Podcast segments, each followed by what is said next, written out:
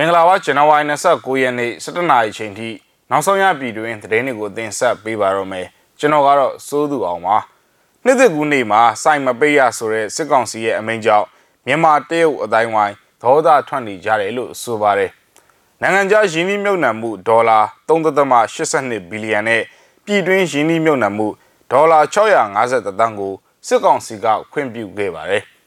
ပြည်သူရင်ဝင်ခိုလုံပြီးတော့ PDF စောစီကို ပူးပေါင်းလာတဲ့ CDN တပ်မတော်သားနဲ့ရဲတပ်ဖွဲ့ဝင်စုစုပေါင်း17ယောက်ကတစ္ဆာဆိုခဲ့ကြပါတယ်။နိုင်ငံတကာသတင်းတွေပတ်မှာတော့ရုရှားကထွက်ခွာပေးဖို့တောင်းဆိုနေပေမဲ့နေတိုးကတောင်ပိုင်းကိုအားဖြည့်ဖို့လှုံ့ဆော်နေပါတယ်။ဒီအကြောင်းတွေပါဝင်တဲ့နောက်ဆုံးရပြည်တွင်းနဲ့နိုင်ငံတကာသတင်းတွေကိုတင်ဆက်ပေးပါရမယ်။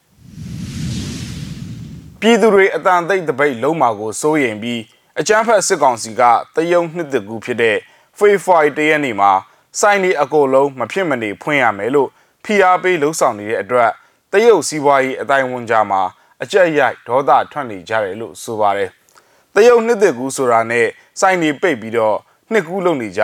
ဒီနှစ်မှမှကျွန်တော်တို့ကိုစိုင်းဒီအသင်းလာဖွင့်ခိုင်းတယ်မဖွင့်ရင်အေးအေးယူမယ်ဆိုတဲ့စာရီမှာလက်မှတ်ထိုးခိုင်းတယ်ကျွန်တော်တို့တင်မဟုတ်ဘူးတရုတ်စီးပွားရေးလုပ်ငန်းရှင်တွေအသင်းတွေကြားမှာကိုဒီကိစ္စကကြရက်ရိုက်နေကြပြီလို့ သတင်းရင်းမြစ်တယောက်က PVTV ကိုပြောပါတယ်။ Free တရက်နေ့မှာအတန်သိပ်တပိတ်လုံးကြဖို့အတွက်လှုံ့ဆော်မှုတွေပြုလုပ်ထားပြီးတော့အကြမ်းဖက်စစ်ကောင်စီကအတန်သိပ်တပိတ်ပြုလုပ်မဲ့နေ့မှာစိုင်းနေအကောလုံးမဖွင့်မနေရဖွင့်ရမယ်ဆိုပြီးအမိတ်ကြီးညာချက်တွေထုတ်ရက်ကွက်တွေလမ်းတွေထဲအတန်ချဲ့ဆက်တွေနဲ့လိုက်អော်မှုတွေပြုလုပ်နေတာပါပြီးခဲ့တဲ့ဒီဇင်ဘာလမှာပြုလုပ်ခဲ့တဲ့အတန်သိပ်တပိတ်အစီအစဉ်မှာပြည်သူတွေအားလုံးပါဝင်ခဲ့ကြတဲ့အတွက် အချမ်းဖက်စစ်ကောင်စီကကြောက်ရွံ့ထိတ်လန့်နေပြီးအဲ့ဒီအချိန်ကလို့မဖြစ်စေရေးနီလန်မျိုးစုံနဲ့လိုက်တားနေတာလည်းဖြစ်ပါတယ်။တရုတ်နှစ်သက်ကူပွဲတော်ဆိုတာကတရုတ်လူမျိုးတွေအတွက်အလွန်အရေးပါတဲ့ပွဲတစ်ခုဖြစ်ပြီးတရုတ်လူမျိုးတွေကຫນွေဦးရာသီပွဲတော်ဆိုပြီးသုံးနှုံးကြတယ်လို့လည်းသိရပါတယ်ခင်ဗျ။အကြမ်းဖက်စစ်တပ်အာဏာသိမ်းအပြီးတနစ်တာအတွင်းအာဏာသိမ်းစစ်ကောင်စီဟာနိုင်ငံခြားယင်းနှိမ့်မြုပ်နှံမှုပမာဏ ဒေါ်လာ3.82ဘီလီယံနဲ့ပြည်တွင်းရင်းနှီးမြှုပ်နှံမှုပမာဏဒေါ်လာ650တန်းကိုခွင့်ပြုပေးခဲ့ကြောင်းဇန်နဝါရီ28ရက်နေ့ကပြောပါတယ်။စစ်ကောင်စီလက်အောက်ခံပြန်ကြားရေးဝန်ကြီးဌာန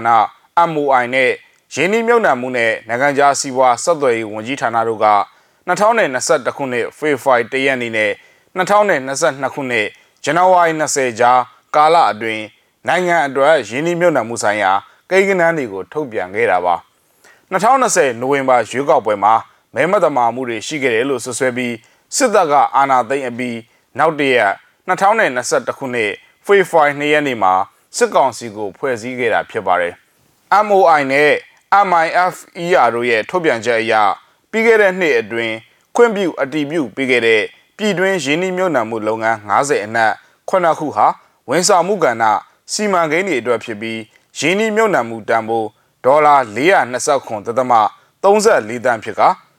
29ခုဟာကုန်ထုတ်လုပ်မှုဆိုင်ရာစီမံကိန်းတွေအတွက်ဖြစ်ပြီးရင်းနှီးမြှုပ်နှံမှုတန်ဖိုးဒေါ်လာ84.58တန်းဖြစ်ပါတယ်။အဲ့ဒီကာလအတွင်းမှာပဲတတ်ထုတူဖော်မှုလျှက်စစ်နဲ့ဆောက်လုပ်ရေးကဏ္ဍတွေမှာလည်းနိုင်ငံသားတွေထံကအတော်ကြီးမားတဲ့ရင်းနှီးမြှုပ်နှံမှုတွေကိုဖိတ်ခေါ်နိုင်ခဲ့တယ်လို့ဆိုပါတယ်။ပြီးခဲ့တဲ့နှစ်အတွင်းခွင့်ပြုပေးခဲ့တဲ့နိုင်ငံခြားရင်းနှီးမြှုပ်နှံမှုတွေထဲမှာ LNG ဓာတ်အားပေးစက်ရုံတရုံတိစောက်မဲ့ဒေါ်လာ2.5ဘီလီယံတန် project တစ်ခုလည်းပါဝင်တယ်လို့စစ်ကောင်စီဝန်ကြီးဌာနနှစ်ခုကပြောပါတယ်လက်ရှိမှာတော့တရုတ်ဟာမြန်မာရဲ့အကြီးဆုံးကုန်သွယ်ဘက်ဖြစ်နေတဲ့အပြင်နိုင်ငံမှာအကြီးဆုံးသောနိုင်ငံခြားရင်းနှီးမြှုပ်နှံသူလည်းဖြစ်ပါတယ်ပြီးခဲ့တဲ့နှစ်အတွင်းတရုတ်မဟုတ်တဲ့တခြားနိုင်ငံခြားရင်းနှီးမြှုပ်နှံမှုတစ်ခုကတော့ဂျပန်မှာဖြစ်ပြီးတော့ကန်ဒေါ်လာ916.43တန်း စင်ကာပူက4ခုဒေါ်လာ442.20တန်းထိုင်းကတော့2ခုဒေါ်လာ85.50တန်းတောင်ကိုရီးယားက5ခုဒေါ်လာ66.18တန်းနဲ့ဟောင်ကောင်က9ခုဒေါ်လာ60.39တန်းတို့ဖြစ်တယ်လို့သိရပါတယ်။ဒါအပြင်မှာအာနာသိန်းစေအုပ်စုဟာရုရှားလိုမျိုးနိုင်ငံတွေထံကနေရင်းနှီးမြှုပ်နှံမှုတွေကိုပုံမဖိတ်ခေါ်ဖို့နဲ့ကုန်သွယ်မှုပုံမတိုးသက်စေဖို့ စူးစမ်းနေတယ်လို့လည်းသိရပါတယ်ခင်ဗျာ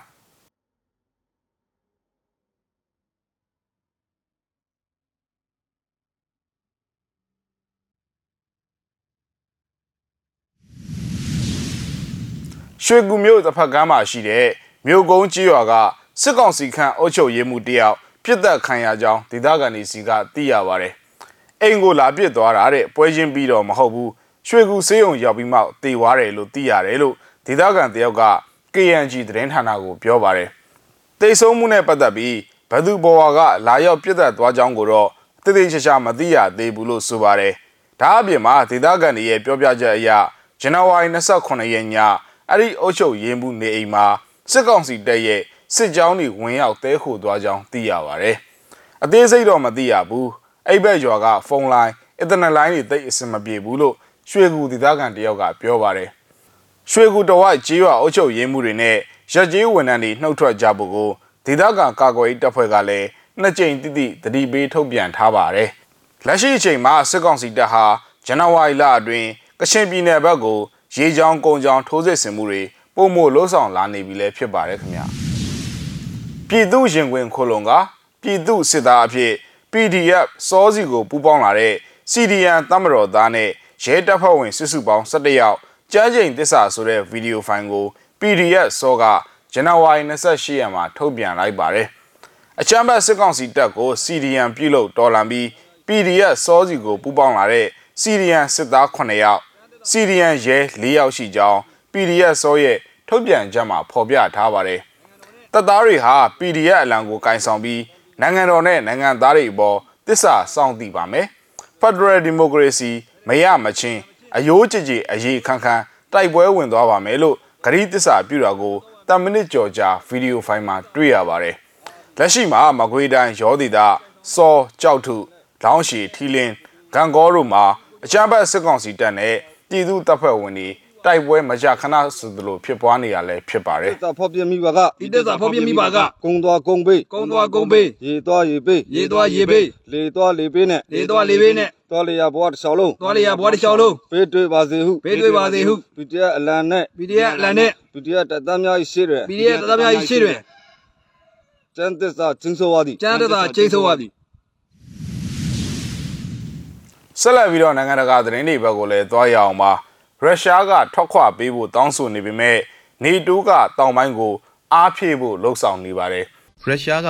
နေတိုးကိုစုခွာပေးဖို့တောင်းဆိုနေချိန်မှာပဲတောင်ဘက်ချမ်းကိုအားဖြည့်နိုင်ဖို့ရိုမေးနီးယားမှာနေတိုးတပ်ဖွဲ့တွေကိုအင်အားတိုးမြင့်ချထားတဲ့ကြောင်းအမေရိကန်သမ္မတဂျိုးဘိုင်ဒန်နဲ့ပြင်သစ်သမ္မတအမန်နျူရယ်မက်ခရွန်တို့ကအကြံပြုလိုက်ပါတယ်။ နေတိုးအဖွဲ့ဝင်မဖြစ်သေးတဲ့ယူကရိန်းနယ်စပ်မှာတပ်ဖွဲ့ဝင်တသိန်းနီးပါးစုပြုံချထားပြီးမော်စကိုကကျူးကျော်ရန်ပြင်ဆင်နေခြင်းကိုစိုးရိမ်နေတဲ့အတ္တလန်တိတ်မဟာမိတ်အဖွဲ့နေတိုးအတွက်မဟာဗျူဟာအရအရေးပါတဲ့ပင်လယ်နက်မှာအင်အားတိုးမြင့်ချထားဖို့ဖြစ်လာပါတယ်။ယူကရိန်းအပေါ်ရုရှားရဲ့ကျူးကျော်မှုကိုအမေရိကန်ပြည်ထောင်စုကနေတိုးစာချုပ်ပါပုံမှန်၅ပါတာဝန်ဝတ္တရားအရကာကွယ်ပေးဖို့အတွက်ပိုလန်နဲ့ရိုမေးနီးယားမှာတပ်ဖွဲ့တွေတိုးမြင့်ချထားသွားမှာဖြစ်တယ်လို့ဘိုင်ဒန်ကဗုဒ္ဓဦးနေ့ကပြောကြားခဲ့ပါတယ်။ အဲ့ဒီနေ့မှာပဲမာမိတ်အဖွဲ့ကဆုံးဖြတ်စေခိုင်းခဲ့ရင်ရိုမေးနီးယားမှာမစ်ရှင်အသစ်တွေလှုပ်ဆောင်ဖို့ပြင်သစ်ကအသင့်ရှိတဲ့အကြောင်းသမ္မတမက်ခရွန်ကပြောကြားလိုက်ပါတယ်။နေတိုးဟာရုရှားရဲ့တိုက်ခိုက်မှုကိုခုခံကာကွယ်ဖို့အတွက်ဘော်လ်တစ်နိုင်ငံများဖြစ်တဲ့အက်စတိုးနီးယား၊လက်ဗီးယားနဲ့လစ်သူယေးနီးယားနိုင်ငံတို့အပြင်ပိုလန်မှာပါကြိုတင်ကာကွယ်ရေးဂရိကဝတ်တွေရှင်းနှင်ပြီးသားဖြစ်ပါတယ်။ ဗြိတိန်၊ကနေဒါ၊ဂျာမနီနဲ့အမေရိကန်တို့ဟာအဆိုပါတပ်ဖြန့်မှုကိုဦးဆောင်ထားပါတယ်။ဒီအချိန်ထိအောင်ဥရောပအရှေ့မြောက်နဲ့အရှေ့တောင်ဘက်ကြားမှာတပ်ဖွဲ့ဝင်တွေခြားထားမှုနဲ့ပတ်သက်ပြီးသဘောထားကွဲလွဲမှုတွေရှိနေဆဲဖြစ်တယ်လို့ဥရောပတန်တမန်သတင်းရင်းမြစ်တစ်ခုက AFP ကိုပြောကြားခဲ့ပါတယ်။မြစည်းမရဲ့သတင်းအစီအစဉ်ကိုဒီမှာခဏရနာကြပါတယ်ကြည့်ရှုခဲ့ကြတဲ့မိဘပြည်သူသူချင်းစီကိုကျေးဇူးအထူးပဲတင်ရှိပါတယ်ကျွန်တော်တို့သတင်းနဲ့အတူတူပြန်ဆောင်ကြပါဦးမယ်